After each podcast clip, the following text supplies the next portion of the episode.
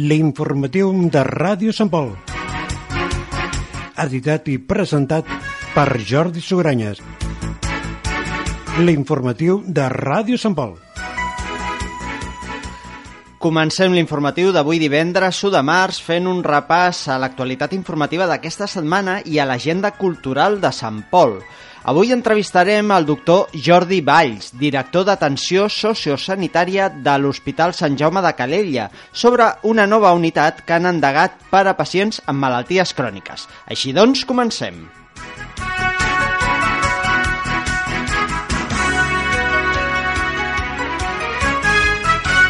I comencem el repàs de l'actualitat de Sant Pol amb una notícia que tot just coneixíem ahir. L'Escola Universitària d'Hoteleria i Turisme de Sant Pol ha tornat a ser escollida com un dels millors centres universitaris d'hoteleria i turisme de tot el món. El prestigiós rànquing QS li atorga aquest any la 19a posició mundial en el seu àmbit. D'aquesta manera, l'Escola Universitària de Sant Pol escala quasi 30 llocs en aquest llistat respecte a l'any passat, quan va quedar en 48a posició. Així mateix, el centre de Sant Pol és la primera i única escola universitària d'hoteleria i turisme de tot Espanya que forma part del top 20 del rànquing QS. I passem a un altre tema. L'Ajuntament de Sant Pol ha obert la convocatòria per obrir cinc borses de treball dins de l'administració local. Es volen cobrir diversos perfils professionals. El consistori ha obert cinc, convocatòries, com dèiem, per crear borses de treball com a educador social, treballador social, administratiu, auxiliar administratiu i tècnic auxiliar de turisme. El termini per presentar les sol·licituds acaba el pròxim 13 de març. Les bases per a, de la convocatòria es poden consultar al portal municipal santpol.cat i també al taulell d'anuncis de l'Ajuntament. Passem a un altre tema. L'alcaldessa de Sant Pol, Montserrat Garrido, va assistir a mitjans d'aquest mes al Tecnocampus de Mataró, on es va presentar el manifest Un maresme de noves oportunitats per estudiar, treballar i viure, que ha estat impulsat per l'entitat empresarial privada Barcelona Maresma Business Club. L'acte va comptar amb les ponències de Miquel Barceló, enginyer industrial i economista, i els arquitectes Pere Solà i Agapit Borràs. L'objectiu del manifest i d'aquesta jornada, d'aquesta trobada, era instar els poders públics a potenciar l'activitat econòmica al voltant del Tecnocampus de Mataró, amb la intenció de reforçar la seva oferta educativa actual, implantar més empreses en aquest entorn, ampliar programes per a emprenedors i també promoure la ciutat de Mataró com a porta d'entrada cap a Barcelona. I acabem aquest bloc informatiu amb noves ofertes laborals a la vila. El restaurant La Selva necessita incorporar a la seva plantilla diferents professionals amb experiència que estigui demostrada. En concret, requereix un cuiner o cuinera amb dos o tres anys d'experiència, un ajudant de cuina i dos cambrers o cambreres. Les persones interessades s'han d'adreçar personalment a l'Oficina de Promoció Econòmica de l'Ajuntament de Sant Pol per presentar els seus currículums. Tenen de temps fins al 12 de març.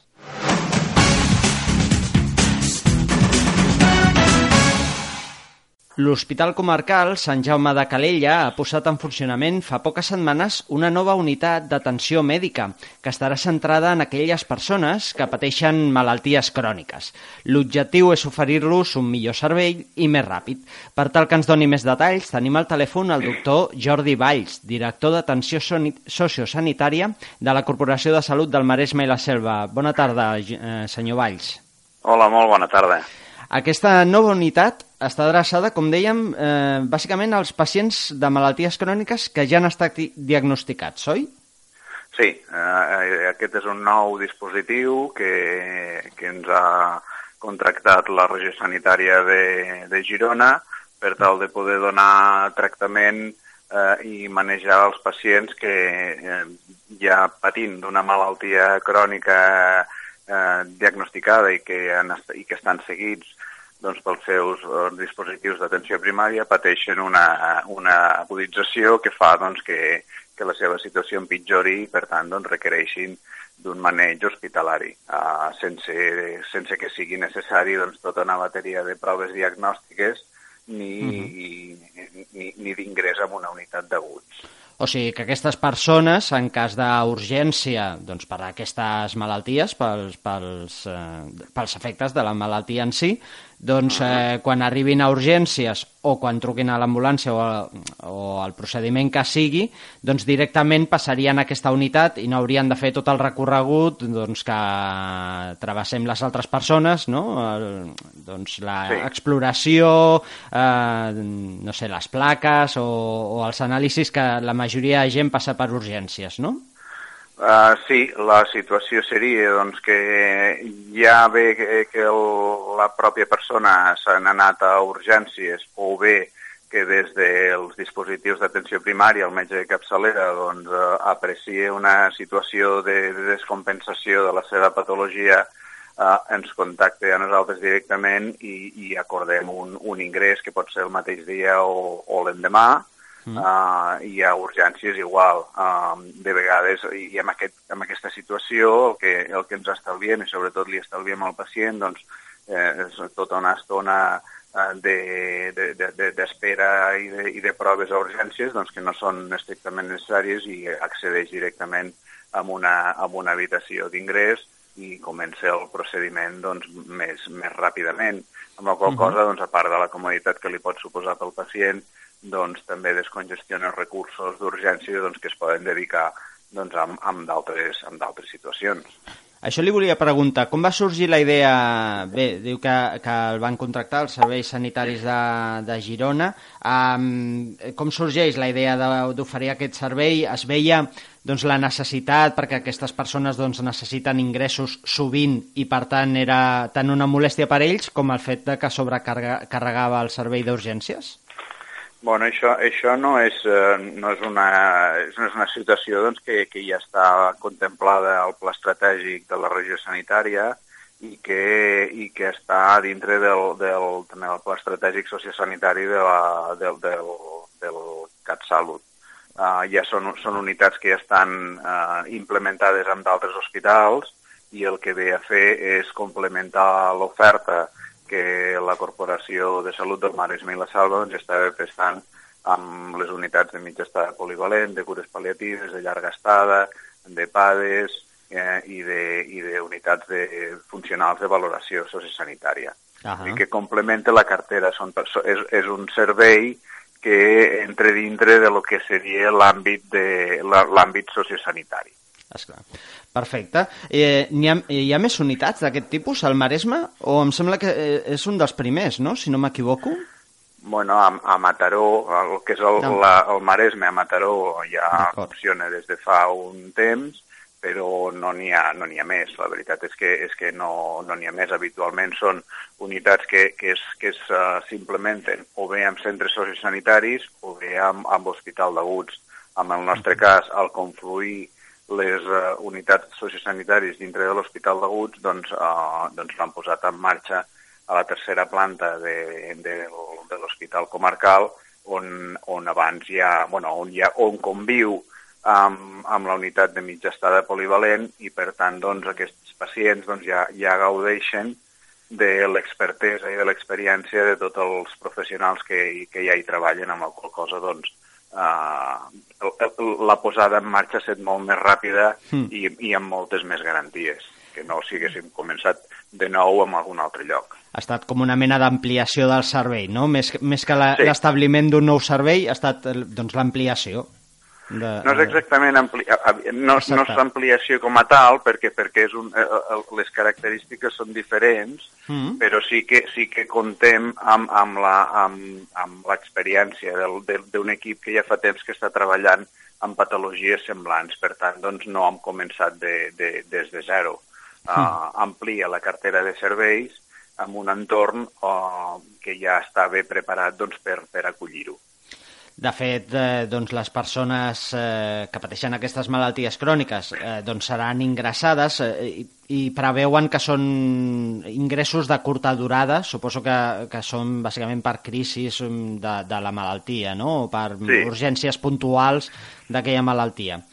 I, i tenen... Sí, la, la, la, el disseny de la unitat està pensat doncs, perquè hi hagi una estada mitjana d'uns 10 dies, no, no més enllà, tenint en compte doncs, la, la complexitat i la fragilitat que acompanya molt en moltes d'aquestes uh, situacions, mm. uh, però sí, la idea és uh, ingressar, um, recuperar la situació prèvia mitjançant els tractaments eh, mèdics i, i rehabilitadors necessaris i retorna al seu, al seu entorn original, ja sigui el domicili o ja sigui la residència geriàtrica on, on viu el pacient, però sí, les, són, són ingressos eh, curts.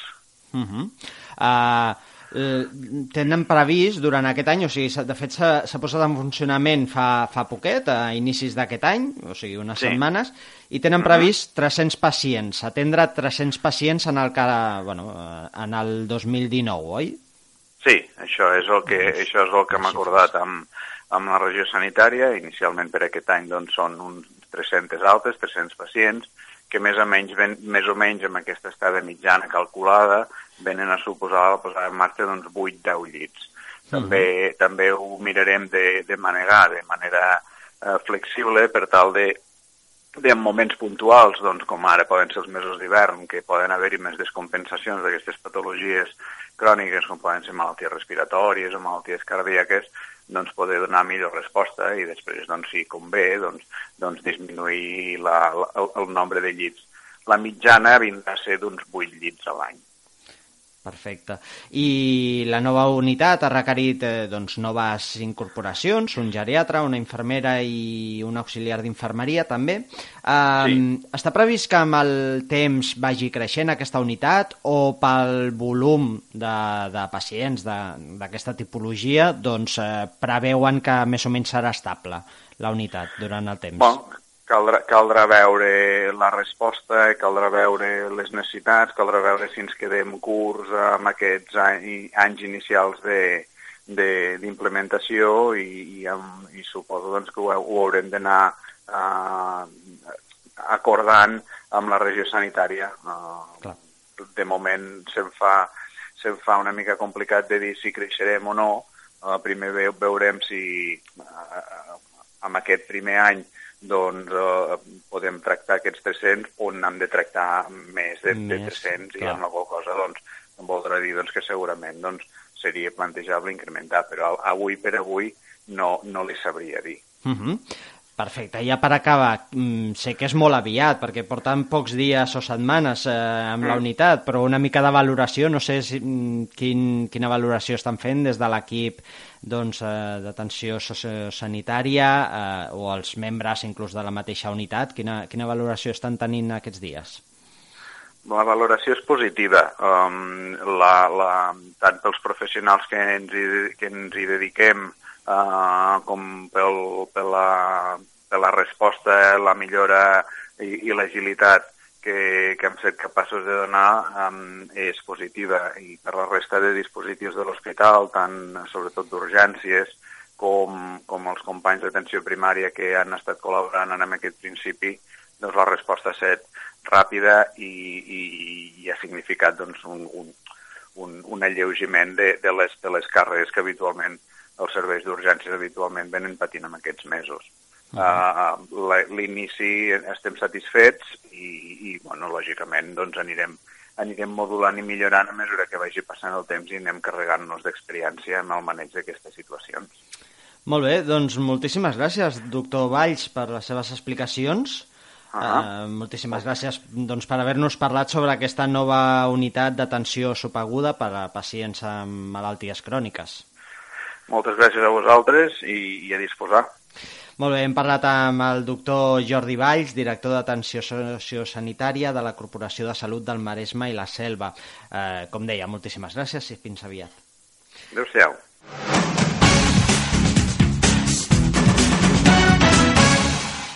I continuem amb l'actualitat de la vila i aprofitem per recordar també diverses informacions.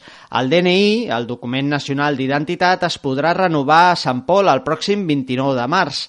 La tramitació del nou DNI requereix cita prèvia que es pot demanar a l'Oficina d'Atenció Ciutadana de la Policia Local. Com en d'altres ocasions, la tramitació del DNI es durà a terme en dos dies. El 29 de març es recollirà tota la documentació i el 2 d'abril s'entregarà el document. Cal que la persona interessada hi acudeixi tots dos dies. També recordem que el pròxim 6 de març tindrà lloc la, una nova cita de les passejades en marxa nòrdica per a la gent gran. Aquest cop la visita de la setmana vinent es farà a Castellbisbal. Per a més informació o per realitzar aquesta inscripció es pot contactar a Cal Arturo els dilluns, els dimecres i els divendres al matí.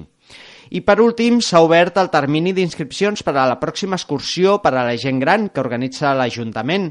Els participants visitaran el pròxim 13 de març els pobles de Besalú i Castellfollit de la Roca. Ja es pot reservar plaça a l'oficina de turisme i hi ha de temps fins al 5 de març. El preu és de 30 euros que inclouen una visita teatralitzada a Besalú, un dinar conjunt i durant la tarda una visita lliure a Castellfollit de la Roca. La jornada finalitzarà amb un tast gratuït de les famoses galetes artesanes de Cal Enric.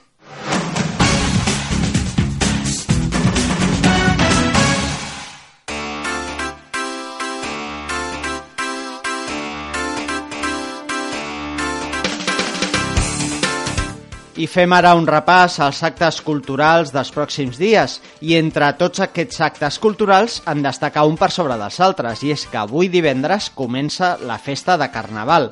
Podeu consultar el programa d'activitats al portal municipal santpol.cat. Entre tots els actes de la festa del Carnaval destaca la gran rua de dissabte a la tarda, una rua que recorrerà els carrers de la vila.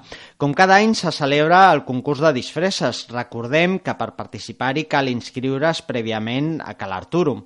Els premis van des de 50 fins als 150 euros en vals de descompte per als comerços de la Unió d'Establiments i Serveis de Sant Pol de Mar. En el cas del primer premi individual o per parelles, a més d'aquests 50 euros de descomptes, també es regalarà un cap de setmana a Andorra. Recordeu també que el diumenge al migdia se celebra el tradicional dinar popular al carrer Nou. Per altra banda, aquest dissabte la llibreria Momo, al carrer Nou, presenta a les 12 del migdia la trobada literària Bolero Poètic. Es tracta d'una trobada que es realitzarà mensualment per parlar i reflexionar sobre literatura i també per compartir idees vivencials que puguin ser d'interès per a la resta dels participants. I abans de tancar l'informatiu, fem un repàs a les cites esportives d'aquest cap de setmana. En futbol, cal recordar que l'Atlètic Club Sant Pol descansa aquesta setmana, ja descansa en segona catalana. En canvi, el pavelló poliesportiu de Sant Pol tindrà un diumenge força farcit d'activitat. A dos quarts d'una del migdia, del diumenge, el pavelló acollirà el partit de cadet femení entre el Maresme Llavaneres i l'Uni Girona. Aquest maig es disputa a Sant Pol gràcies a la col·laboració entre els dos clubs, entre el Club Bàsquet Maresme Llavaneres i el Club Bàsquet Sant Pol, i compta amb el suport també dels dos ajuntaments. A la tarda, els aficionats al bàsquet podran continuar gaudint amb els partits del Club Bàsquet Sant Pol 07. A dos quarts de cinc, el sènior masculí rep el Club Bàsquet Argentona i a les 6 de la tarda el sènior femení vol mantenir la bona ratxa de resultats contra el Vilassar de Mar. Doncs això és tot de moment. Fins aquí l'informatiu d'avui, divendres 1 de març. Ens acomiadem l'equip que l'ha fet possible. Gaudeixin d'aquest cap de setmana, gaudeixin sobretot de la festa del Carnaval i ens retrobem divendres vinent.